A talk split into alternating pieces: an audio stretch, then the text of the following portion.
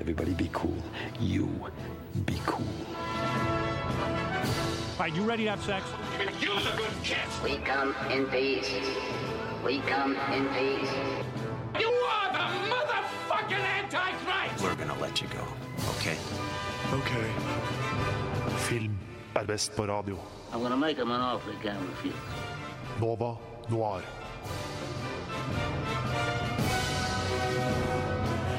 God morgen og velkommen til dagens sending. Vi er Nova Noir, filmprogrammet på Radio Nova. Og i dag skal vi lose dere gjennom to timer med filmprat. Jeg heter Tone Hafsås, og med meg i studio i dag så har jeg to flotte kollegaer. Hei, hei. Hei, jeg heter Hanne Marie Nord. Jeg heter Ina Sletten.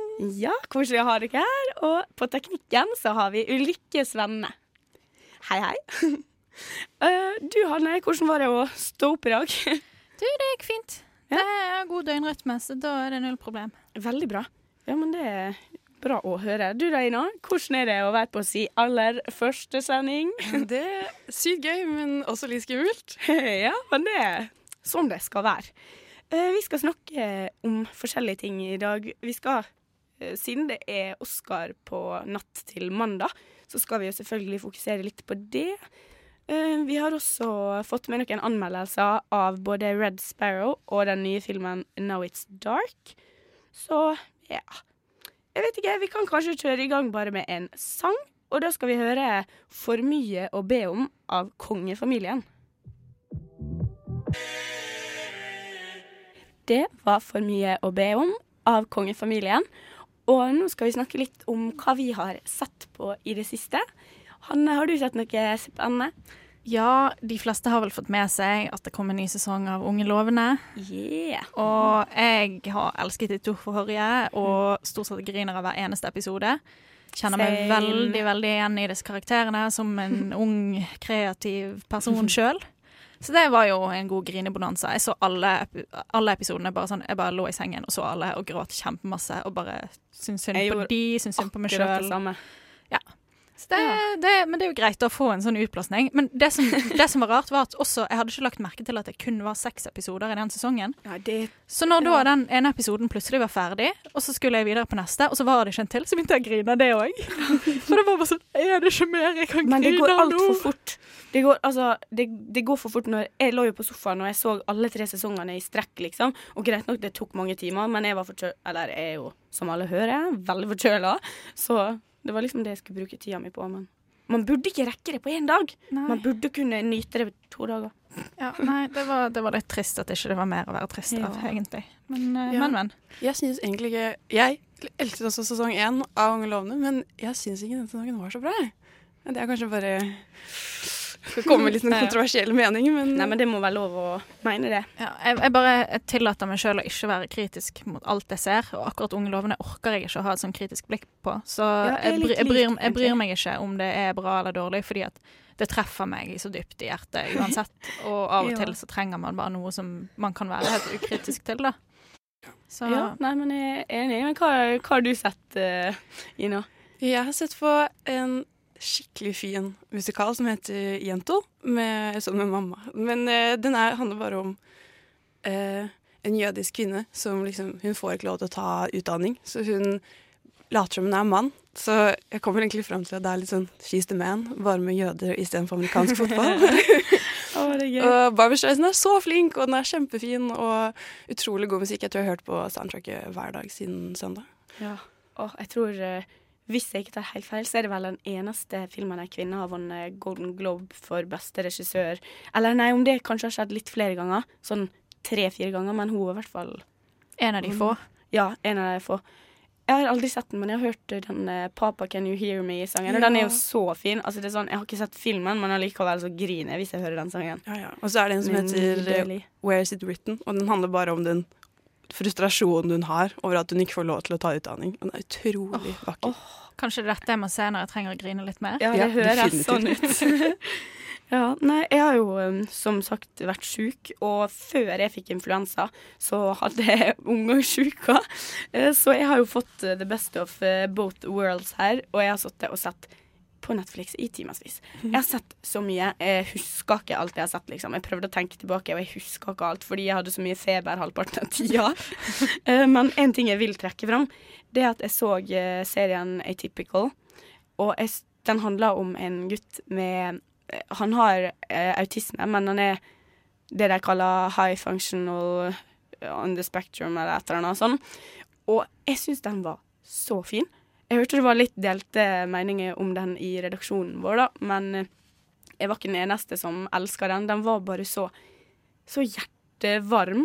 Og selv om det er noen ting jeg ikke liker helt med den, så var det så mye som bare traff meg litt i Ja. Så den burde du òg se, da. Han, eh, Ja, det høres fint litt sånn, Ja, eh, jeg føler, at, eh, jeg føler at vi er på samme sånn her eh, emosjonelle Ja. spekter der. Så kanskje, kanskje jeg burde se den også. Det høres ja, fint ut. ja, nei. Vi kanskje Eller har dere sett noe mer dere vil trekke fram, eller? Jeg har sett litt på uh, Altered Carbon. Uh, Ok.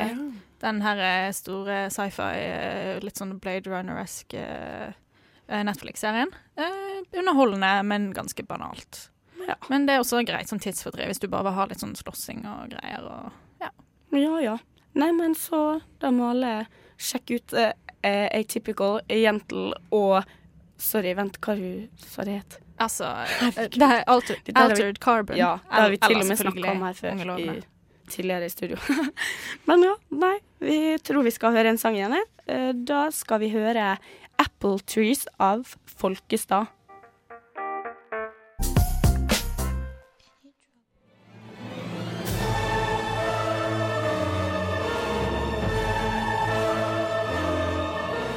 Well, hello, Mr. Fancy Pants. I got news for you, pal. You ain't leading but two things right now Jack and shit. And Jack left town. Nova Noir gir deg ukas filmnyheter. Yes, vi skal ha nyheter. Er det noe spennende som skjer i verden, Ina? Ja, altså jeg har jo litt på den eh, Barbra Streisand-toget akkurat nå. Og eh, det er jo faktisk sånn at hun har jo faktisk klonet hunden sin. Fordi eh, 14 år gamle Samantha døde i fjor, og nå har hun klonet den. da. Så hun har to stykker som er ja, Er det vel samme hund? Er, så i tillegg til at hun har fått en til en som er en fjern slektning, da. Så jeg syns det er litt gøy.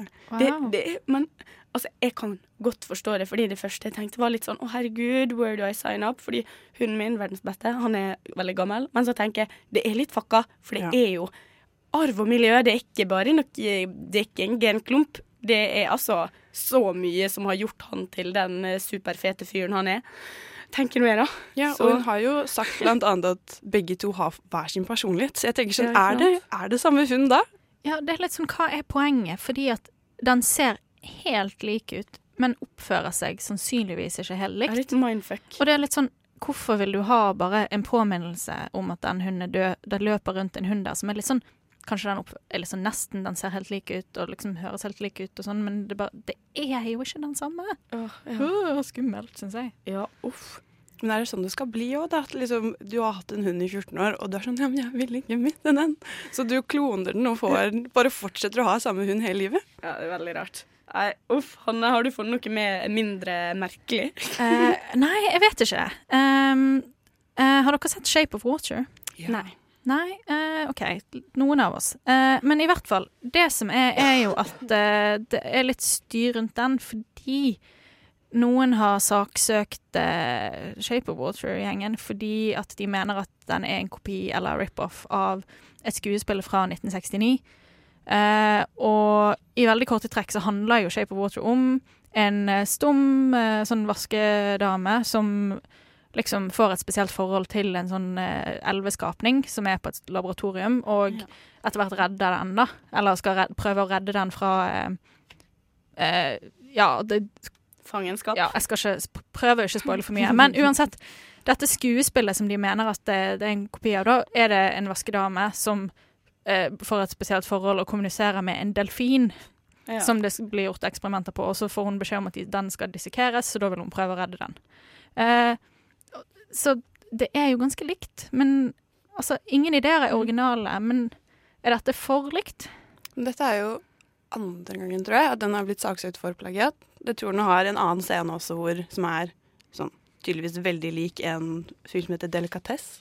Liksom, men hva er det, og kan du egentlig kopiere en film? Det er jo kunstnerisk frihet. Ja, sant? Men den scenen, det, det er den steppescenen, sant? Ja. Hvor de driver og hermer etter noe de ser på TV-en. Mm. Så der, der syns jeg det er åpenbart er det jo på en måte bare en slags hermer av at jeg ser den. Ja, og det er en slags hommage, sant? for der er en Mm. liten scene. Og dette her er jo, det, denne stormen har jo Tarantino vært i 100 000 ganger før. Fordi at han, eh, han hermer som en på en måte hommage, altså en ære og liksom til filmkunsten, da. Ja. Og Shape of Water er jo en eneste, et eneste stort kjærlighetsbrev til film. Altså så, så jeg blir litt sånn Ja, OK, kanskje det er noe kan, Jeg skjønner jo at han blir litt sur. Han er, det er sønnen til han som har skrevet skuespillet, som har uh, saksøkt, da. Ja, okay. uh, skuespillet heter Let Me Hear You Whisper, sånn, hvis noen er ekstra interessert. Ja, men det blir så... spennende å se hvordan det går, dette der, da. Det kan jo ta lang tid, dette sikkert. Det er en stor prosess med sånn saksøking og sånn. Det er veldig big deal i USA å saksøke alt og alle. Ja. Nei, det er interessant. Jeg, jeg, ja, jeg syns det er en vanskelig problemstilling. Så vi får bare se hvordan den ender opp. Ja. ja. Nei, jeg så det fra det ene til det andre. Så så jeg at eh, Joss Whedon, eh, som skulle regissere Batgirl-filmen eh, En Batgirl-film som skal komme, da. Han har tråkket seg. Eh, og da tenker jeg egentlig sånn Ja, men er ikke det greit, da? Kanskje vi får ei dame i stedet? Og jeg tror det blir bra med ei dame som skal regissere den filmen, så vi ikke får eh, eh, de eh, Justice League-kostymene til disse eh, The Amazons. Uh, men at vi ikke får noe lignende på Batgirl òg. Ja, herregud. Ja, for de som ikke har sett det bildet med uh, hva er det, Wonder Woman, Amazon-kvinne, satt opp mot uh, Amazon-kvinne i Justice League. Uh, bare, bare google det. det. Det er festlig, fordi det er litt trist. Ja. Uh, nei, jeg tror det er bra hvis det betyr at det kommer en kvinnelig regissør inn. Mm. Men samtidig er jo Joss Whedon har jo mange ganger fått det til og gjort det bra, sjøl med kvinnelige karakterer. Altså, jeg føler han er litt hit and miss. Ja. Så vi risikerer jo at det kommer en annen mann som har enda mindre peiling. ja, det er det. Man må bare ja, Vi får bare nesten vente og se på det òg, egentlig. Men ja. Nei, jeg tror vi skal høre en sang igjen, jeg.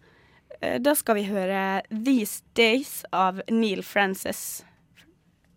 And that's the way the news goes. Nova Noir presenterer Nova Noir, Nova Noir presenterer ukens, eh. Filmer på kino denne uken som har premiere. Kinopremierer. Kinopremierer? Kinopremierer. Ukens kinopremierer. Kinopremiere! Nova Noir presenterer ukens kinopremierer.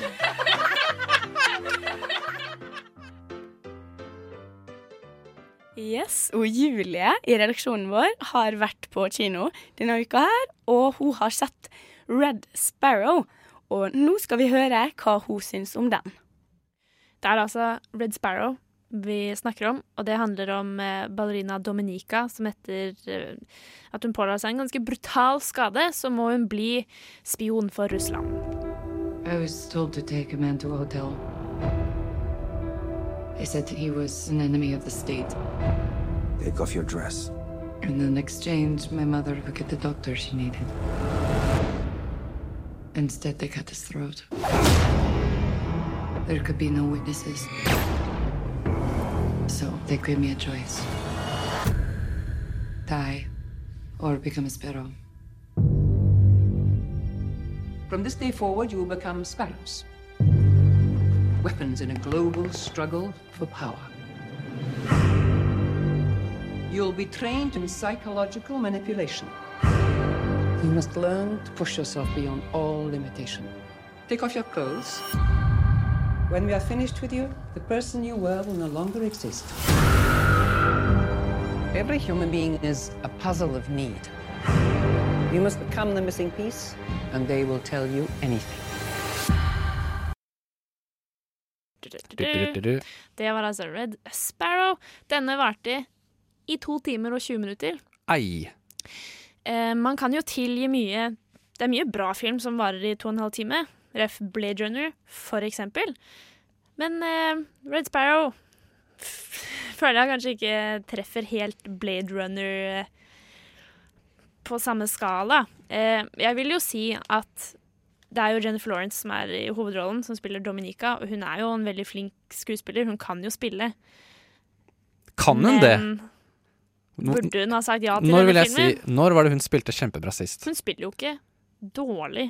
Hun spiller bare Jennifer Lawrence. Jeg syns hun spiller kanskje litt likt, og velger litt like roller som krever dog mye intensitet, men at den ofte blir Ja, du kan kjenne det igjen, da. På tvers av Ja. film. Jeg vil for så vidt ikke si at dette var et unntak. Og um, betydelig mer kropp enn du kanskje har sett med Jennifer Lawrence tidligere. Jeg vet Mm. ikke hvor naken hun var i Mother, for eksempel, men her var hun veldig naken. Veldig mye. Ja, for at uh, i Mother Hun er ikke så veldig Hun er egentlig ikke seksualisert i det hele tatt. Litt på starten, men på en mer sånn nære Og hun er liksom fruktbar type måte. Sånn hun er som mother nature. Men uh, ikke noe særlig sånn kroppsmessig sånn ellers. Ikke noe sånn nakenhet i det hele tatt. Nei, hele denne filmen, eller måten hun blir spion til Russland på, er at hun blir sendt til en sånn spesiell skole for The Sparrows, da. Og der lærer de å manipulere og å forføre andre mennesker for å da få dem til å røpe henligheter, få dem til å stole på dem, etc. etc. Der var det både, både menn og kvinner, det skal sies, og du får se både mannlig og kvinnelig nakenhet. Men når det er sagt, så er det mye unødvendig nakenhet generelt og ellers strødd gjennom hele filmen. Og det ga meg bare inntrykk av at filmen prøvde veldig hardt å være veldig edgy. Og liksom Oi, vi tar opp eh, vanskelige ting som voldtekt og overfall, og vi er voldelige, men de turte aldri å gå langt nok med noen av temaene i filmen. Så det falt liksom litt platt, så det mistet effekten, følte jeg. Og da følte jeg det bare veldig påtatt, egentlig. Ja, for at Mitt inntrykk av Jennifer Lawrence er at hun påtar seg veldig sånne eh, karakterer hvor hun er en sterk kvinnelig karakter, da, som hun har gjort tidligere, f.eks. i Hunger Games osv. Og hun har fått Oscar for uh, tidligere verk, for at hun har liksom en veldig sånn sterk kvinnelig uh, måte å spille på. Men jeg følte at Veldig, markeds... veldig kvinne med stor K. Ja, men jeg føler at Jeg føler at markedsføringa av Red Sparrow var veldig sånn uh, Nå, her er Jennifer Lawrence, uh, sexier enn du har sett det noensinne før, type greie. Nesten som Jeg følte traileren var nesten helt lik som de måten de klipper uh, Fifty Shades of Grey, bare litt mer sånn spionthriller. Ja, jeg kan godt uh, si meg enig i den uh, kritikken. Det er uh, en film som jeg følte var veldig pretensiøs og tok seg selv veldig høytidelig og prøvde å si veldig mye om veldig lite, egentlig. Og at hele karakteren til Jennifer Lawrence blir veldig stakkarsliggjort. Og da den eneste kraften, quote unquote, hun har mot, liksom, på sin situasjon, er kroppsligheten hennes, og hvor tiltrekkende hun kan være på forskjellige måter på forskjellige mennesker. Eh, og når du legger til det at alle snakker med en veldig påtatt, veldig ikke-russisk aksent, føles hele filmen bare overdrevent teatralsk ut, uten emosjonelt impact eller dybde eller investering fra min side som publikum. Eh, karakterene var ikke overbevisende. Jeg skjønte ikke motivasjonen deres, eller hvorfor hennes, Jen Florences karakter Dominica gikk med på alt det hun eksempel gikk med på. Og jeg, med tanke på at det var en spionthriller, gjettet veldig ofte sånn Oi, ja, men det er han som er eh, skurken, og det er egentlig han som gjorde det og det, og den var ganske forutsigbar på den måten, og hadde veldig sånn klassisk oppbygning med twister og svinger som egentlig ikke kom så ut av det blå allikevel, da. Men nå har jo Frances Lawrence, eh, som er regissør, regissøren, også regissert eh, tre av Hunger Games-filmene, I Am Legend, så han har jo gjort gode ting, da, vil jeg si. Jeg liker jo de filmene. Eh, nå kan jeg jo røpe, nå har vi kommet såpass langt, at det er kanskje ikke vanskelig å skjønne at jeg ikke likte Red Sparrow i det hele tatt. Og er nesten litt fornærmet over at jeg måtte sitte der i to timer. Men eh, skuespillet var greit. Det var litt intensitet iblant. Jeg følte at jeg var lettere stressa et par steder i filmen. Men jeg føler at det er nesten mer en negativ ting enn en positiv ting i en sånn film, hvor du egentlig skal sitte på kanten av stolen hele tiden fordi du ikke vet hva som skjer. Eh, og det var iblant veldig pen eh, framing. Og pene bilder og lokasjoner og Det var veldig sterilt, men det, det var et, eh, iblant et visuelt uttrykk da, som jeg kunne sette pris på. Mm. altså, alt i alt. Altfor lang. Plottet var crap.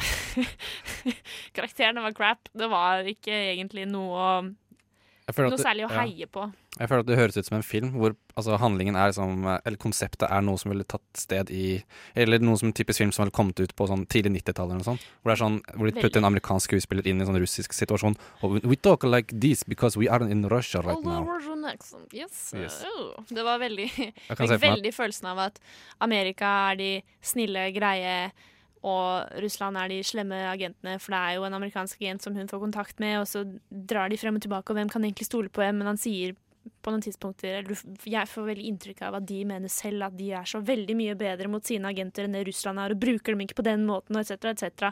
Og jeg var sånn Oi, er dette en film laget i Amerika av amerikanere, eller? Wow, det er så ukritisk til seg sjæl.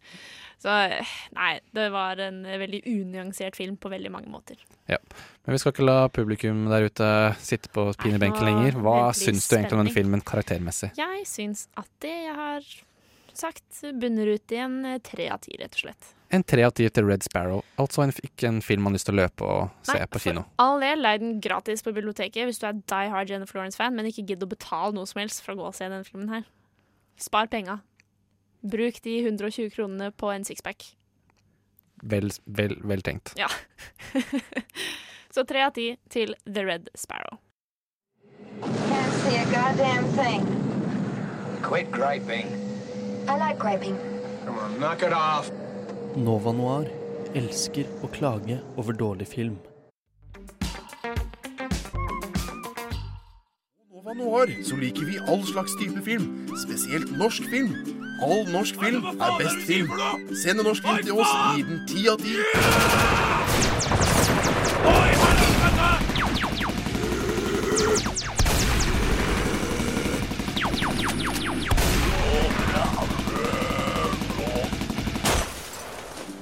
Nå, nå er vel ikke fortsatt ikke kommersiell bullshit. Den anmeldelsen du hørte før sangen, var eh, Julie Oskar Andersen og Tage Rivas Tollefsen som har spilt inn på forhånd, og det eh, var altså en tre av ti til Red Sparrow. Sangen vi hørte etter det, var If You Cannot Talk av Eckhart and The House. Og nå skal vi snakke om Oscar igjen. Og da tenkte jeg Da lurte jeg egentlig på Ser dere på Oscarsendinga? Har dere brukt å gjøre, gjøre det før? Hva er hva, Tenker du, Hanne? Altså, I sin helhet har jeg bare sett uh, Oscarene én gang. Det var i 2013. Det året hvor Jennifer Lawrence falt i trappen på vei til å motta sin Oscar. Uh, så det var, det var festlig. Uh, og da hadde jeg besøk og hadde masse folk som så på. Det var kjempegøy. Og jeg kunne tenke meg å gjøre det igjen. Problemet er bare at jeg er veldig dårlig på å ikke få sove. Eller altså sånn, Når ikke jeg sover, så er ikke jeg et menneske. Så det er grunnen til at jeg ikke har sett det flere ganger. Jeg har hatt veldig lyst, men det er jo upraktisk at det er på natten. Ja, absolutt. Fair enough. Du da, Ina? Jeg elsker Oscar. Jeg, sitter, jeg har sittet oppe og sett på det de siste fem årene, tror jeg. Og jeg er jo helt ødelagt dagen etterpå, men jeg legger alltid opp til at jeg ikke skal noe dagen etterpå. Sånn som på, nå på mandag. Skulle egentlig ikke på jobb. Det skjer ikke likevel. Fordi jeg syns det er så gøy. Ja. Wow, ja, men det er veldig kult at noen har det som en, sånt, en ting de må få med seg. Det blir litt sånn som de som ser på Eurovision og liksom inviterer hele slekta, printer ut uh, poengtavle og liksom tar på seg bunad og ser på Eurovision, liksom. For det finnes sånne folk. Og jeg er jo litt sånn med Oscars Altså, jeg har aldri sett på det. Jeg har aldri vurdert det. Jeg har aldri tenkt at det er noe jeg har lyst til, fordi hallo, det er midt på natta, og det varer dritlenge. Så jeg har liksom Jeg har virkelig aldri vurdert å se på det før nå i år, fordi nå har jeg liksom satt meg litt inn i det. Men til og med i fjor, selv om jeg var med i Nova Noir da også, under Oscarsendinga, så hadde på en måte ikke lyst til å se det, for jeg hadde mer lyst til å sove. da, rett og slett, For jeg tenker at man kan jo lese det dagen etter. Ja, men det er jo ikke like spennende. Og jeg er kjempelei meg for at jeg ikke fikk med meg hele denne her Best Picture-skandalen i fjor med liksom La La Land og Moonlight og alt det der. Ja, det det er jo det er ikke det samme å lese etterpå at dette skjedde. Når du sitter der og ser og opplever sjokket. Det var jo sånn når Jennifer Lawrence falt i trappen, at vi hadde sett det. Jeg var jo helt sånn wow! Sant? Det er ikke like gøy å lese det etterpå. Og jeg har, jeg har jo store planer om å Vi skal jo ha Oscarsending eh, med Nova Noir og sitte og kommentere det og se på det på luften hele Mm. natten. Men tingen er at jeg har litt jeg skal den mandagen, Mm. så det er sånn Kommer jeg til å orke det? Ah, ja, nei, det er jo Ja, det er litt vanskelig. Du da, altså Skal du være med på sendinga, Ina? Ja, definitivt. Ja. Og det er det også med å liksom lese dagen etterpå. Jeg, jeg satt jo, jeg, Dette er første året jeg skal se det sammen med noen, for jeg har alltid Mm. bare sett det alene. Oi, ja. Men det var også litt det i fjor, når det skjedde, da, så satt jeg liksom klokken var fire om natten, og jeg var sånn Er det ingen å snakke med om det her? Hva er det som skjer? Ikke sant? Så jeg tror det blir utrolig gøy. Og det er jo også altså, Kanskje litt objektiviserende, men sånn kjolene og talene og Det blir jo veldig spennende, syns jeg. Ja, ja, men det blir, det blir sikkert veldig kult. Det, jeg skal vurdere å være oppe i hvert fall noen av timene for første gang, bare for å på en måte skjønne litt av den hypen, da.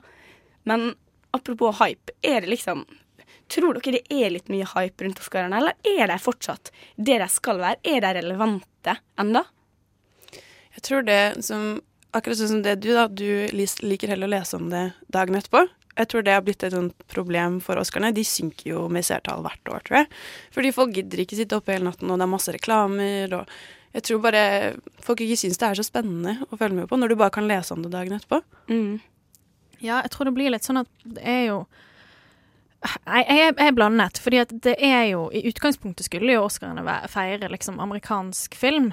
Eh, og det er jo derfor det er en sånn foreign film-kategori. Men tingen er at det er jo ikke bare amerikansk film, fordi at uh, britisk film er med som liksom som ikke som foreign film, sammen med Mm. australsk og irsk film. Så det er litt sånn Er Oscarene det de egentlig skulle være lenger? Ja, fordi det er jo uh, engelskspråklig og veldig ofte kritthvitt. Mhm. Og i juryen så er det jo 6000 mennesker, og i hva årstallet var, 2012, så sjekka de da hvor Altså hvordan eh, representasjonen var i juryen, og 94 94% av juryen var hvite. 77% av juryen var menn. Ja, det er jo helt sykt. Ja. eh, Etter det så var det det Oscar so white Uh, Ja, det var vel eh, 20, hashtagen og 2016 sånn. var vel Oscar so White. Ja, ikke sant. To det var senere, fire år seinere, da. Ja, to år på rad. Da hadde det jo vært ing, altså bare hvite nominerte. Mm. Men det har vært i hvert fall etter denne der kampanjen, først etter, etter 20, eh, 2012, da, da det på en måte var snakk om hvor mange hvite menn det var, og sånn, så ble det litt sånn at de satt vel noen nye regler om hvor, hvor lenge du kan være med i juryen og sånne ting. da, Så de har på en måte tatt litt grep for at det ikke skal bare være gamle hvite menn som på en måte har hatt noe med filmverdenen å gjøre før. At på en måte hvis du har vært inaktiv i ti år, så er du ikke med lenger, eller noe sånt. Men ja. Jeg tror det er sånn at du eh, hvert tiende år, da, eller når du blir med i juryen, så Mm. får du være med i ti år, og da kan du søke igjen etter ti år. Og hvis du har søkt og blitt godkjent tre ganger, så har du livstid. Ja. Så det er jo mange av de som har vært med i 30 år, og da får livstid. Så da Men, nei, men jeg tror det var tilbakevendende effekt, faktisk. At hvis du Du må ha vært aktiv i filmverden. Du må ha vært med på et eller annet, produsere eller være skuespiller eller et eller annet sånt. Og hvis du ikke har vært det, da kan den falle vekk, den uh, permiten, eller hva jeg skal kalle det. Nei, uansett så er det jo på en måte Heldigvis har de begynt å gjøre litt med det nå, for å holde seg litt mer eh, relevant, vil jeg si. Fordi at det er jo ikke lenger OK at det bare er liksom én type film som vinner og sånn. Uh, og det er, men det jeg syns er litt rart, er jo at folk skal ha Eller prøver å få mer internasjonal film med. Fordi at det er jo filmfestivaler rundt omkring i hele verden, og prisutdelinger. I Norge deler vi ut til beste film og sånn, men det er jo bare norske filmer som er med. Sånn er det jo sannsynligvis i all, de aller fleste land som lager mye film. Men det er vel Så- litt at det er så stort. ikke sant? Det er liksom verdenskjent, og at det burde kanskje være litt mer inkluderende, siden de da, som du sier, inkluderer det engelskspråklige, da. Men jeg tror også at Oscarene blir litt pålagt å få Fordi de heter jo eh, Det er jo for eh, amerikanske filmer, så Mm. Det burde jo egentlig bare bli egentlig bli en ny prisutdeling, en annen prisutdeling som tar for seg all film, tenker jeg. Fordi Ja. det er liksom ikke Oscarene sin oppgave å ta for seg egentlig eh, fremmedspråklig film. Er det egentlig det? Ja, ok. Ja, det er jo på en måte et godt poeng, det, da. Ja, nei, det er litt spesielt. Første gang det var en såkalt foreign film som vant eh, for beste film, var i 2011, med franske The Artist. Og siden da så er det ganske mange år på rad at det har vært eh, i hvert fall utenlandske filmskapere som, eh, har, vært, altså, har vært regissert eh, den filmen som har vunnet Best Picture. Mm. Så det er jo litt interessant, akkurat det. Ja, jeg tror også det er vanskelig Hvis man ser på mange av de fremmedspråklige filmene, så er de litt sånn det er flere land som har vært med på å lage de. Jeg tror det var den Ida, som også var sånn både dansk, svensk og liksom, Det er flere, da. Som, eh, hvem er det egentlig som eier en film, på en måte? Hvilket land? Ja, sant, for den var vel bidraget fra Polen. Ja. Men det er veldig mange andre land som har vært med til å lage de. Og sånn er det jo med veldig mye annet også. Det er jo sjelden en norsk film bare er norsk, fordi at stort sett er det jo en eller annen svensk eller dansk skuespiller Mm. med, sånn at vi skal få litt uh, penger fra de landene òg. Ja, det er helt sant. Men du snakka litt om det med at samme type film eh, bruker ofte å vinne og sånn. Men jeg, jeg leste litt på internett at folk er veldig sånn uenige om Noen syns det blir altfor kommersielt, og at det er en, liksom en runkesirkel der de samme folka hedrer hverandre hver gang, mens noen andre var bare sånn skikkelig sinte fordi de syns at det er sånne randomme filmer som vinner. At det ikke er de med størst publikumssuksess og sånn. Men jeg tenker at det må jo det, det er jo bra at noen faktisk bedømmer filmene litt mer på det de syns om innholdet, og ikke bare publikumssuksessen, da, på en måte penger og sånn.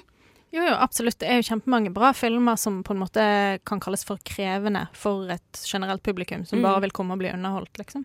Ja. Så nei, jeg, ser begge sidene av saken. Jeg syns også at det kan virke som en såkalt eh, stor uh, circle jerk, men uh, på mange måter er det de siste, Jeg så over disse filmene som har vunnet de siste typ 18 årene, og Mm. det er jo overraskende varierte filmer, faktisk. Ja, men det er jo veldig kult. Vi skal snakke mer om det at uh, kanskje de samme filmene vinner litt. At det på en måte finnes litt sånn oppskrift, da. Hva vi tenker om det. Eh, etter vi har hørt en sang. Eh, og da skal vi høre 'Cinnamon' av Odd Loves To Dance. Det var 'Cinnamon' av Odd Loves To Dance. Og vi skal snakke mer om Oscarene.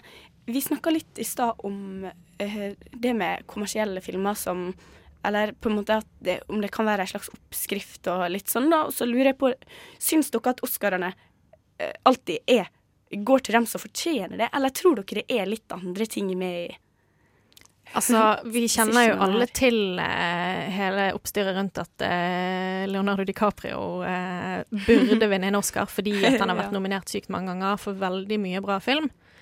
Men var det The Revenant han burde ha vunnet for? Ikke sant? Det er jo også det man snakker om i dag med, eller, med Daniel Day-Lewis, som er liksom, det er hans angivelig siste film. da. Men burde han da vinne en Oscar fordi han har vært med i så sykt mye annet bra? Eller er det fordi han, han hadde en skikkelig bra rolle i Phantom Thread? Ja, for det er da jeg tenker at de burde dra inn litt sånn hederspriser og sånn heller, da. For jeg tenker at det med å ha bidratt Det var jo en Jeg husker ikke navnet på han, og det er veldig dumt, men det var en som har fått eh, en hederspris eh, senere fordi han hadde vært nomin... Eller det var vel kanskje ikke fordi han hadde vært nominert så mange ganger, men pga. hans bidrag til filmen. da. Det var en fyr som hadde vært nominert over ti ganger, i hvert fall, og hadde aldri vunnet noe. Og så fikk han en hederspris senere.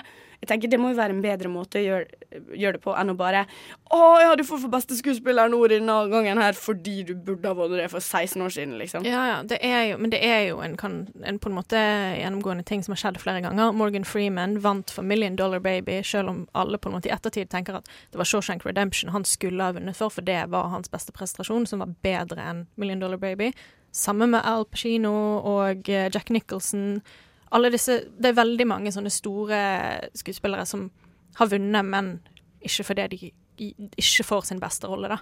Og så tror jeg også det ødelegger litt for hva det er forventet av en skuespiller. La oss si sånn til Remnant, da. At Leonardo DiCaprio liksom snakket om hvor hardt det var, og at han liksom sov lite og måtte spise en lever selv om jeg er veganer. ikke sant? Sånne ting. Og da, det sånn, da har du fortjent beste skuespiller, for du har gjort så sykt mye. Men hva med de underspilte rollene, da? Hvor du klarer å vise masse følelser med bare noen få ansiktsuttrykk, liksom. Mm. Ja, nei, det er jeg helt enig i. Det er egentlig veldig spennende, spennende samtale, eller diskusjon å ta, da.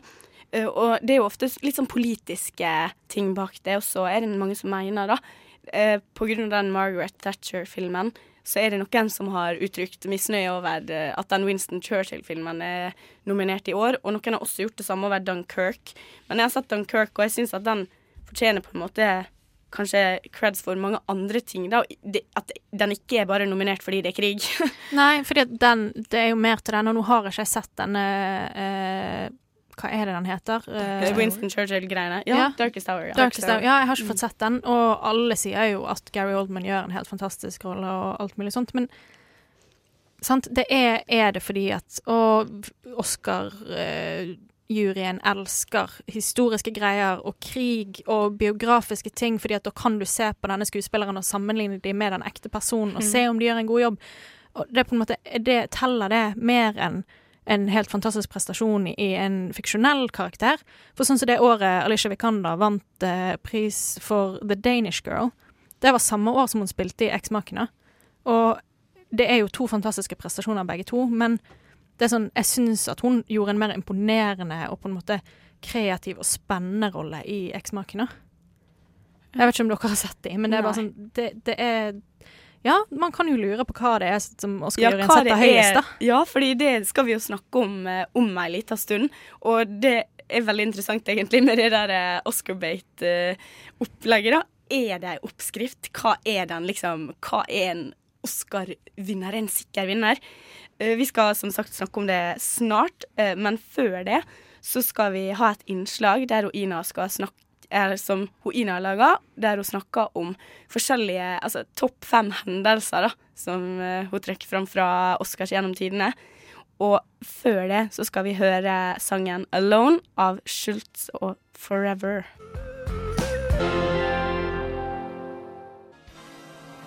Oscar-utdelingen. Et kjært barn har mange navn, og likeså kan du høre Academy Awards beskrevet med store ord som glamorøst, eksklusivt og stjernespekket. Men som Hannah Montana sier, nobody's perfect. Om du er filmentusiast eller ei, kan du umulig ha gått glipp av fjorårets legendariske uttelling, hvor feil film ble lest opp under programmets gjeveste pris. And the Academy Award for Best Picture La La Land. This, there's a mistake. Moonlight, you guys won Best Picture. Selv om denne tabben er blant de største i TV-historie, betyr ikke det at Oscar-utdelingen har vært plettfrie til nå. Her er fem historiske Oscar-øyeblikk vi sent vil glemme. The winner, it's a tie.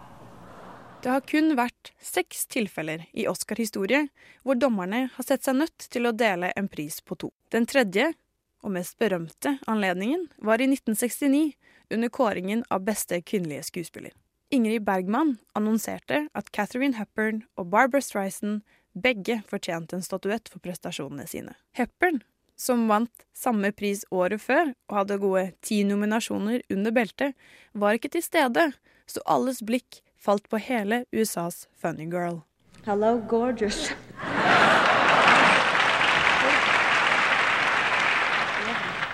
Well, I'm very honored to be in such magnificent company as Catherine Hepburn. I disse hashtag metoo-dager er det mange som bruker seiertaler til å belyse viktig tematikk. Dette er ikke et nytt fenomen. I 1973 vant Marlon Brando beste mannlige skuespiller for hans rolle som Vito Corleone i Gudfaren. Publikum ble lamslått når det i stedet for Brando dukket opp en representant av den amerikanske urbefolkningen. Hello, my name is Sasheen Littlefeather. I'm Apache, and I'm president of the National Native American Affirmative Image Committee. I'm representing Marlon Brando this evening that he very regretfully cannot accept this very generous award. And the reasons for this being are the treatment of American Indians today by the film industry and on television in movie reruns, and also with recent happenings at Wounded Knee. Siden da har flere skuespillere valgt å dedikere takketaler og lignende til de som ikke har like mye publisitet i media. Flere har til og med blitt bannlyst fra Oscar-utdelingene. Eller på en måte.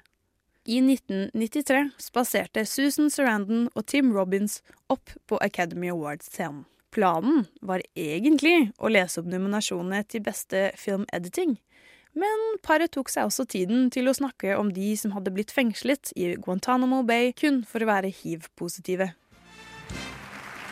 In the spirit of the red ribbons being worn here this evening, we'd like to call attention to 266 Haitians that are being held in Guantanamo Bay by the United States government. Their crime testing positive to the HIV virus. On their behalf and all the people living with HIV in this country, we'd like to ask our governing officials in Washington to admit that HIV is not a crime and to admit these people into the United States. Thank you. Which brings us, of course, to editing. Senere samme kveld, når beste art director skulle krones, valgte Richard Gere å sende ut en melding til Kina hvor han fordømte invasjonen av Tibet. Alle tre ble nektet å komme tilbake til prisutdelingen fordi de ikke fulgte manuset de ble gitt. Det høres kanskje dramatisk ut, men det tok ikke mer enn tre år før Sarandon var tilbake og vant beste skuespillerinne i 1996. Du vet hva de sier, enklere å be om tilgivelse enn tillatelse. Likevel, å holde tale på den beryktede Oscar-utdelingen er ikke bare bare. Det er tross alt om lag 33 millioner mennesker som følger med på alt du sier og gjør. Selv om du er verdenskjent skuespiller, betyr ikke det at du ikke kan bli litt nervøs. Dette gjelder i hvert fall for John Travolta i 2014, når han skulle introdusere Broadway-skuespillerinne og stemmen til Elsa fra filmen Frozen. Please welcome the wickedly talented one and only Adele Dazine.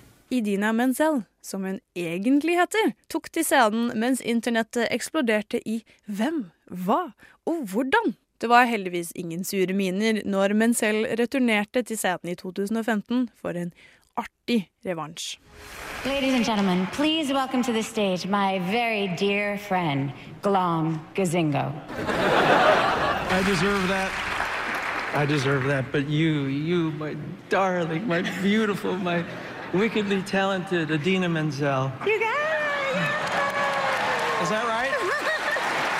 You did it! That was so good. It's not like it's gonna follow me around for the rest of my life or anything. Yeah, tell me about it. Men hva er vel ikke en prisutdeling uten konspirasjonsteorier? For å runde av den historiske oppramsingen ser vi tilbake til 1993, når Best Supporting Actress skulle kåres. Vinneren var Marissa Tomei for rollen hun spilte i My Cousin Vinnie. Her konkurrerte hun mot mange eldre og mer etablerte skuespillere som John Plowright og Vanessa Redgrave. Etter seieren ble det spredt rykter om at 74 år gamle Jack Polanzi hadde drukket en skvett for mye før han skulle på scenen. Så han klarte ikke lese hva som sto på kortet. I stedet leste han av det siste navnet på autocuen, altså Marissa Tomei. Selv om The Academy har benektet teorien, blir Tomei fortsatt forfulgt av ryktene. Oh, Finny, I'm watching you go down in flames, and you're bringing me with you, and I can't do anything about it. Oscar-utdelingen er altså ikke fri for skandaler og tull. Man kan snakke i timevis om Adrian Brody og Halle Berrys seierskyss, Jack Palances tvang til å vise hvor sterk han er på scenen, og den mørke teorien om at Angelina Jolie har et bitte litt for intimt forhold til sin egen bror. Jeg ser i hvert fall frem til årets prisutdeling, og lurer på om det er mulig å toppe fjorårets konvoluttforveksling. Thank you, thank you. This is a, a moment uh, of joy, and I want to kiss everybody because you are the image of the joy. Du lytter til Radio Nova. Det var Are You OK av Heartbreak Satellite. Og vi skal fortsette på Oscar-temaet og eh, snakke mer om det vi nevnte litt i stad, med Oscar Bates.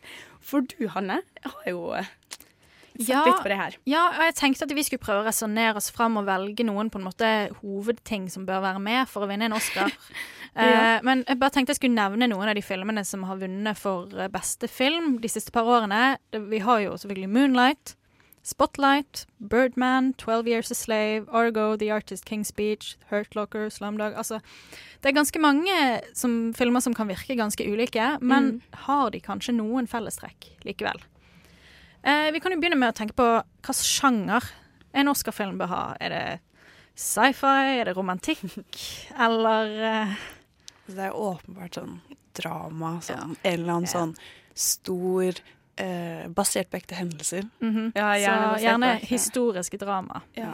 Kanskje til og med biografi, tenker jeg. Ja, kanskje, men samtidig så er det jo alltid Det er jo alltid greit hvis man finner på en person da, i en historisk hendelse som har skjedd, så finner man på fiktive personer, men at den personen her har ei dyp personlig krise.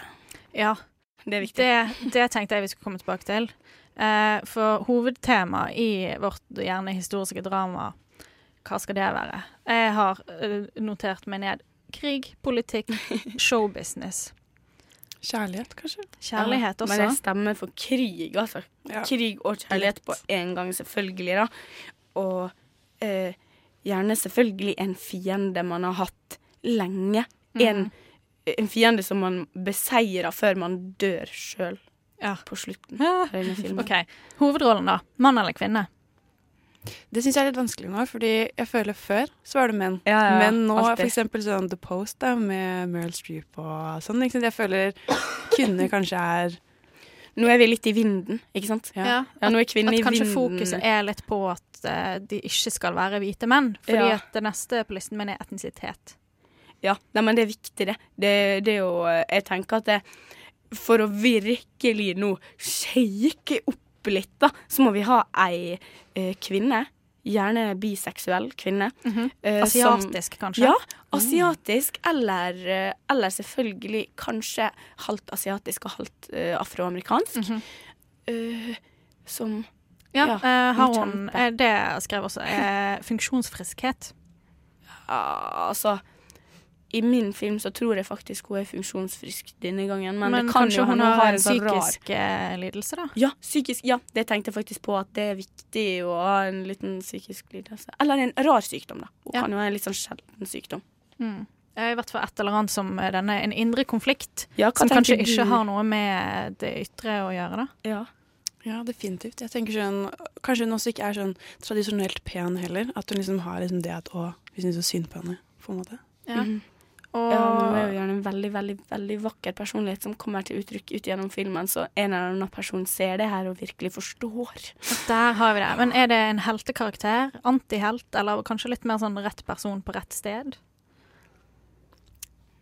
Litt sånn antihelt, kanskje, men, men ender opp med at på en måte folk forstår hva hun har oppnådd. Litt Kanskje, sånn i ettertid, etter hennes død, siden jeg sa at hun skulle dø.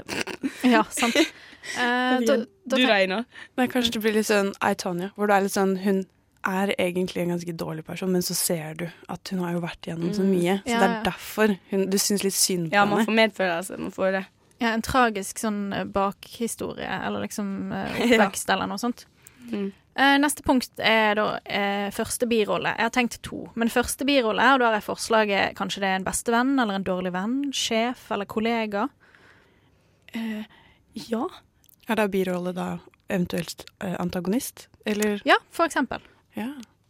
Fordi at det kan jo være en dårlig venn som på en måte utvikler seg til å bli en antagonist, eller det kan være en kjip kollega. Ja, når, når jeg kom på det nå, da jeg fikk en liten sånn åpenbaring nå, at uh, siden vi uh, nå er med dette der med at kvinner er litt i vinden og liksom moderne historie, så kan det jo selvfølgelig være at hun kommer i en litt sånn der uh, konflikt basert på hennes kjønn og etnisitet, og at det er det som er det gode moralen i historien her, da, at hun må komme seg gjennom det. Så det kan jo være en hvit mann i en maktposisjon Ja. som er den antagonisten. antagonisten. er ikke sant? Nei, ja, jo. Ja, det syns jeg stemmer. Men så birolle nummer to er jo gjerne enten en romantisk interesse eller en ektefelle. Eller ei jødisk bestemor som har overlevd holocaust. Oi! Oi, altså. Her snakker vi. Vi må dra det inn for å få Oscars her, altså. Nå må vi ta inn alt vi har. Hun er både afroamerikansk og asiatisk og har en tante som er Ja. polsk. Okay. Jødisk. Uh, ok, kanskje det er inngifta stebestemor. Ja, men okay, uansett, eh, syns vi det skal være med en romantisk interesse, eller er vi liksom over det? Nei, nå er vi over det. Vi er over I det. 2018 Ja. så må vi sikte på de mer spennende Mhm. problemer. Vennskap er viktig. Ja, vennskap og lojalitet. Og da tenker jeg eh, Jeg føler de fleste sånne Oscar-filmer har en stor scene hvor man tenker ja, dette er en Oscar-film, eller liksom dette er det store høydepunktet som gjør at du ser at både hovedkarakteren eh, og på en måte er en så kompleks og verdig karakter, som gjør noe så på en måte mirakuløst eller historisk eller tragisk eller noe sånt, at det blir den ultimate Oscar-film. Har dere noen tanker om hvilken type øyeblikk det kan være? Vi må ta et eller annet stort valg, eller et oppgjør, da, eventuelt Mm. med birolle nummer én, og være litt sånn Vet du hva, dette finner jeg meg ikke i, Mm. på en måte. Ja, jeg begynner, jeg begynner å tenke at hun kanskje ikke skal dø på slutten allikevel. Fordi at det er jo litt sånn, Hvis det skal være historie som skjer i vår samtid, så er det jo veldig sjelden store fysiske kamper der man dør på slutten, sånn eh, her i den vestlige verden, da. Så jeg tenker at da kan det jo heller være en annen måte hun Jeg vet ikke. Ja, Slår gjennom et sant, poeng men, som eh, blir huska, da. Eller ja, som ja. blir veldig sånn lagt merke til over hele eh, Amerika. For det her må jo skje i Amerika, ellers det er blir ikke det noe Oscar. Nei, for jeg har skrevet et forslag her at hovedpersonen får endelig lønn for strevet, og det blir emosjonelt. Å ja. Eller. Så emosjonelt. Ja, ja. Eller hovedpersonen mister det den har kjempet så hardt for, men bestemmer seg etter litt om og men for å fortsette å kjempe likevel. Eh, eller alt ser mørkt ut, men hovedpersonen er den som overbeviser alle om å fortsette. Herregud, jeg griner allerede. Det her er jo så vakkert. Ja, det, det må jo være noe sånt. Tror ikke dere det? Ja, ja, det skal ikke være en tørr eh, et tørt øye i salen, for å si det sånn. Nei, man må grine for at det skal være en Oscar- Oscar ja. verdig. Gjerne flere ganger. Ja. ja, men da tror jeg vi har den ultimate Oscar-bait-filmen uh, à la Nova Noir. Det tror jeg faktisk. Jeg tror denne her, Det kan ikke bli bedre, og vi skal uh, høre Vi skal litt mer Oscar seinere, men nå skal vi høre Palm Tree av Selmer.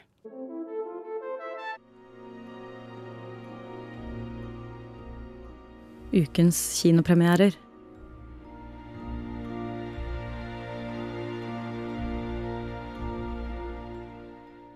Vi hørte Palm Tree av Selmer, og nå skal vi eh, som eh, Ja, nå skal vi gå til, over til enda en anmeldelse av en ny kinofilm. Og Hanne, hva har du sett? Jeg har sett Now It's Dark, og dette er altså en norsk film. Det er Arild Østin Ommundsen sin sjette spillefilm. Og som eh, liksom flere Som de fleste filmene hans, så har han gjort nesten alt sjøl. Han har skrevet manus, han har regi, han har foto og klipp. Og eh, Silje Salomonsen, som tilfeldigvis er hans kone, spiller hovedrollen. Det, denne filmen her handler ikke om det du tror. Det som skjer, er ikke det du tror, og idet du tror du har skjønt det, dukker det opp noe som gjør at jeg forvirret igjen.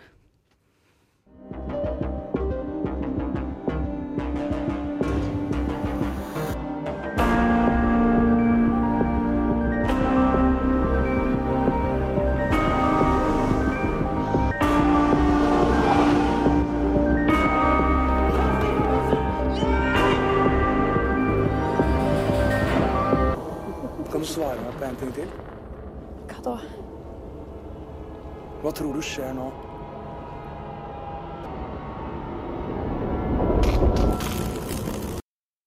Ja, her var ikke det så mye replikker. Eh, men eh, altså, i alle beskrivelsene av denne filmen på f.eks. Filmweb og IMDb, så står det at eh, Lene, som altså er spilt av Silje Salomonsen, oppdager mannen sin til sengs med en annen, og dermed rømmer ut i natten.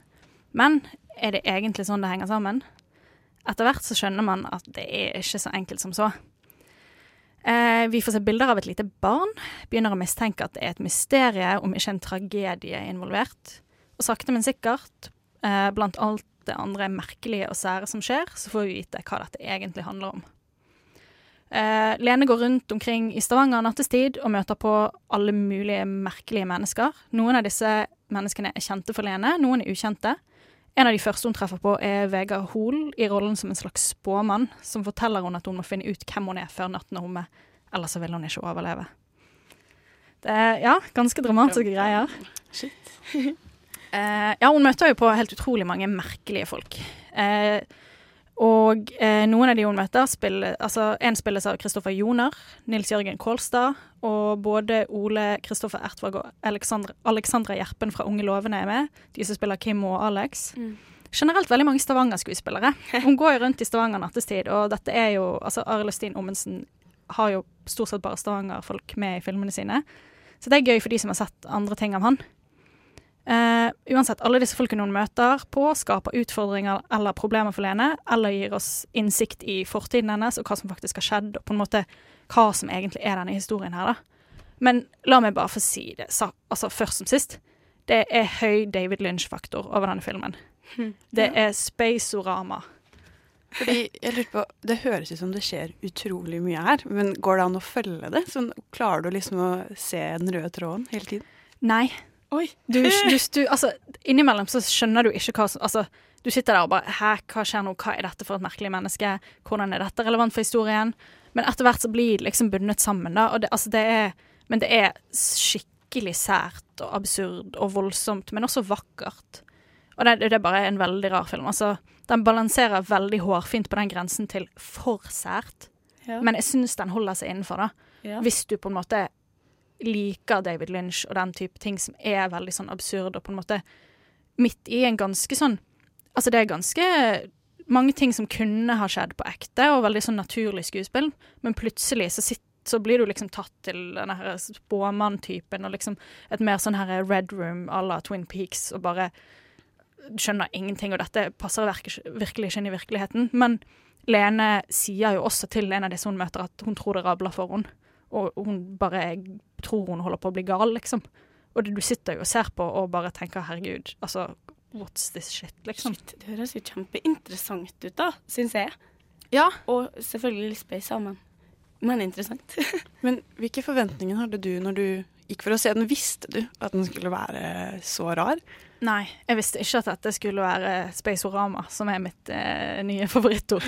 um, altså, det Tidligere, den forrige filmen jeg så av, og den forrige filmen av Arild Stine Omsen, er 'Eventyrland', som er en ganske sånn Det er også en veldig voldsom historie, men den er hva, Altså, det er en ek, Altså, det kunne skjedd på ekte, da, mens her er det veldig mye sånne ting som virkelig er så fjernt fra virkeligheten, og så merkelig, og spesielt at Ja. Man skjønner ikke det helt. Men det, det er en kunstfilm på mange måter. Eh, og jeg vil ikke si at en hvilken som helst vanlig person som liker å gå på kino, nødvendigvis kommer til å like denne filmen. Den er litt for spesiell. Den kan, en for enkelte er den kanskje Eller for, Ja. for Hvis ikke du er litt filminteressert, ikke tar på en måte Det er noen referanser til filmhistorie som gjør at det visuelle uttrykket særlig Altså du setter mer pris på det hvis du kjenner igjen teknikkene og skjønner Ja. hva det er han prøver på her, liksom. Ja, stilig, ja. Um, for jeg syns jo, jo at det var dritkult. Jeg, fordi jeg syns det er gøy å følge en historie som ikke bare er rett frem, og du skjønner alt som skjer med en gang. Du må Mm. jeg tror at det beste hadde kanskje vært å se den en gang til. At kanskje skjønner jeg enda mer da. Fordi at jeg satt igjen på slutten og visste fortsatt ikke helt hva historien var, hva som egentlig hadde skjedd. Oi, ja, det er veldig stilig, da. Men det kan jo være veldig irriterende òg, da. Men syns du det var liksom Syns du du fikk vite nok til at det gikk bra at du mangla litt? Ja, du, du skjønner liksom akkurat nok til at du Ja. klarer å henge sånn noenlunde. Men som jeg sa innledningsvis, idet du tror du har forstått hva bakgrunnshistorien er, så kommer det nye fakta på bordet som gjør at du bare Hæ, nei, men dette henger jo ikke på greip, liksom. Hmm. Og det, det er jo det som er poenget, og jeg syns det er skikkelig kult, fordi det som sagt balanserer på grensen til for sært, men det funker. Eh, og en stor bonus for meg er at det er som i mange andre av uh, Arild Østin Ommensen sine filmer, er Thomas Dybdahl som har laget soundtracket. Mm. Filmmusikken er bare helt nydelig og merkelig og passer til det visuelle uttrykket. Ja, wow. Det høres jo Nå har du jo allerede avslørt at du likte den godt, eh, men har du landa på en karakter? Ja, jeg har det. Og det er jo som Jeg skal bare nevne igjen før jeg gir karakteren at det er kanskje ikke den bredeste publikumsappellen, men hvis du er litt kunst- og filminteressert, så tror jeg det er kult å sjekke ut. Personlig traff den jo meg veldig bra, fordi jeg allerede er litt fan av Ommundsen som filmskaper og sånt. Så jeg lander på syv av ti. Ja, ja, men det høres jo Jeg gjør det. Men- da vet vi hva vi skal Sant? eller- Med et lite forbehold om at du må være opp for noe litt spesielt. Så tror jeg du vil like denne veldig godt. Ja. Høres ut som en film man heller skal prioritere å se i helga eller ukene som kommer, enn eh, Red Sparrow. Ja. men det var altså Hanne Marie Nord som ga sju av ti til den nye norske filmen Now It's Dark. Og nå skal vi høre Hot Pink av Let's Eat Grandma. Det var Hot Pink av Let's Eat Grandma. Og nå, folkens, skal vi ha en quiz. Så ja, vi kan egentlig bare kjøre musikk. Velkommen, velkommen til denne fantastiske quizen om rare, eller litt forskjellig sånn Oscar-kunnskap, da. Noe av det her er litt mer saklig, og noe av det her er litt mer fjasete, kanskje. Men jeg tror dere skal klare det ganske bra.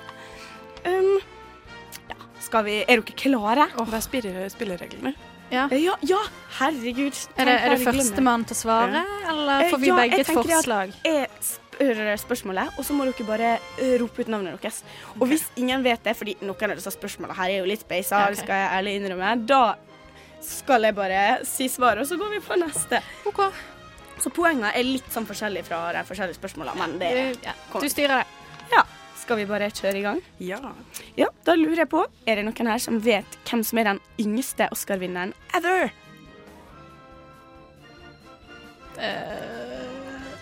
Nei, ass. Dere kan Nei, også gjette alder, da. Gjette alder på den yngste Oscar-vinneren noensinne. Um, OK. Hanne, jeg vet at hvis Jeg tror at hvis Timothy Chalamet vinner beste mannlige, så blir han den yngste. Ja. Så da må denne personen være rett over 20. Kanskje sånn 21. Da er det vel kanskje Han er vel den eh, yngste i den kategorien, ja. Men dette her er altså uh, et, et Å, herregud, hvordan man uttaler dette her, da? Tatum O'Neill vant da hun var ti år Oi, gammel. oi. Uh, og hun vant for filmen Paper Moon, og det var vel i eh, 1973. Oi, OK. Nei, da eh, Nei, var vent. min kunnskap helt bogus. Unnskyld. Ja, nei, men så det Jeg vet hva, jeg tror faktisk årstallet jeg har skrevet ned her er feil, og jeg skjønner ikke helt hvorfor jeg har skrevet det ned, men her var det litt rotete notater. Beklager det veldig. Men eh, faktisk, i 1934 så vant eh, Shirley Temple en Oscar-ish. Da var hun fem år gammel, eh, men det var på en måte en litt sånn eh, Oscar som var lagt til for hennes skyld, på en måte. Så det var på en måte Men eh, hun Tatum O'Neill hun vant for supporting actress, eller Best Actress in a Supporting Role. Men neste spørsmål. Hvem var den eldste? Litt uh, nærmere vår tid, da, for å si det sånn. Kanskje noe man har. Oi, jeg burde ha lest meg opp, altså. Eh, For her ja. står det helt stilt. Ja, nei, men det er altså en fyr som heter Christopher Plummer, som var 82 år gammel når han vant en Oscar i 2011 for Han er nominert i år òg. Ja, det er han faktisk. Så det er da Da kan han slå sin egen rekord. Ja. OK, kult. Det ville vært litt artig, det òg. Men eh, så Neste spørsmål. Eh, Hva heter hun som har vunnet for beste regissør? Hanne. Catherine Bigelow. Yes, det er helt riktig, og det er ganske fucka at jeg kan spørre på den måten. Hva heter hun som har vunnet? Ja. Det er bare én person. Eh, Ekstrapoeng for navn på film og årstall. Uh, ja, eh, Hanne. The Hurt Locker. Yes. Um, Korrekt. I 20... n- 2009? Jeg kan jo ikke årstall, det var helt sinnssykt. Wow! yes, men det var veldig bra. Eh, Da går vi på neste spørsmål, og da er det hvor mange ganger har Meryl Streep blitt nominert, og hvor mange ganger har hun vunnet? Ina. Ja. Hun har blitt eh, nominert 21 ganger, og så har hun vunnet 9. Eh, hun oh, har ikke. e- egentlig bare vunnet ø, tre. Å, serr? Ifølge mine Hvor oppdatert er denne statistikken? Oh, Ja, tenk hvis jeg har skrevet helt feil nå, da. Det er jo litt krise. Men jeg føler at Jeg, jeg syns Ina bare får poeng. Ja, vet du altså. hva, du får poeng uansett. Men det var det riktige 21 nominasjoner? er jo- Ja. Ja. Mm, hun har blitt nominert 21 ganger, som er da det meste en skuespiller har blitt nominert. Herregud, nå merker jeg at jeg har gjort litt dårlig research når jeg ikke er 100 sikker på mine egne facts her. Ja, ja. Nei, men beklager det. Uh, spørsmål nummer fem. Hvor mange med navn Oscar har vunnet en Oscar? Da kan dere egentlig få gjette hver sin gang, og så skal vi ta den som er nærmest. Ok, Jeg gjetter fem. Jeg gjetter tre. Svaret er dessverre bare én. det er bare én Oscar, en Oscar Hammerstein the second, som har vunnet Oscar, men han har vunnet to. Neste spørsmål. Eh, nå er det Ja, det er rekorden på en film som har vunnet flest Oscarer, er elleve. Men det er tre forskjellige filmer som har vunnet så mange. Vet dere hva det er? Ina. Ja. Uh, eh, det er Titanic. Yes. Og så er det La La Land? Nei, det var ikke det. Var det kanskje noe? Nei, fuck, jeg vet ikke. Kan jeg få ett poeng? Ja, du, får, du, får, du kan få ett poeng. Det skal du få. Det syns jeg vi skal være rause på. Jeg prøver å vri hjernen min, for dette vet jeg egentlig. Jeg kan gi litt sånn hint. Øh, Den ene den øh, aner ikke da, men jeg kan gi hint på den andre. Eh, Det er veldig sånn eh, stor franchise. Eh, Er, er det Ringenes herre? Ja. Det er um, Atter en konge. Ja, det er helt riktig. Da får dere ett poeng hver for det spørsmålet her. Men Jeg- jeg hva var den tredje? Den siste, den heter Ben Hur. Å ja, OK. Gamle, gamle, gode greier. Ja, jeg har jo ikke sett den eller noe, så jeg skal ikke skryte på meg å kunne noe om det. Men spørsmål nummer sju. Hvor tung er en Oscar-statuett? Oi. Shit, det vet jeg ikke, men jeg tror de er ganske tunge. ass. Ja. Jeg gjetter 600 gram. Eh, jeg gjetter eh, 600 gram. Er det 6 kilo? Nei. Nei. 600 gram er under 1 kilo. OK, si sier 1 kilo. Svaret er altså 3,5 kilo. What?! Eh, ja. Så den er, den er laga av tre forskjellige typer metall. Det er vel sånn bronse-ish i midten, og så er det sølv-ish utapå, og så er det ekte gull uten ish på toppen. Oi. Ja, ja, Så det her er et heavy greie. Ja, men da er- skjønner jeg hvorfor de står og klamrer seg sånn til disse prisene når de holder Ja, tale, og liksom bytter dem fra hånd til hånd og sånn. Du kan stå og trene med denne Oscar. Ja, Hvis du har ja. vunnet to, så kan du gå på trening og bare pumpe. Veldig bra. Burde jo nesten gjøre det.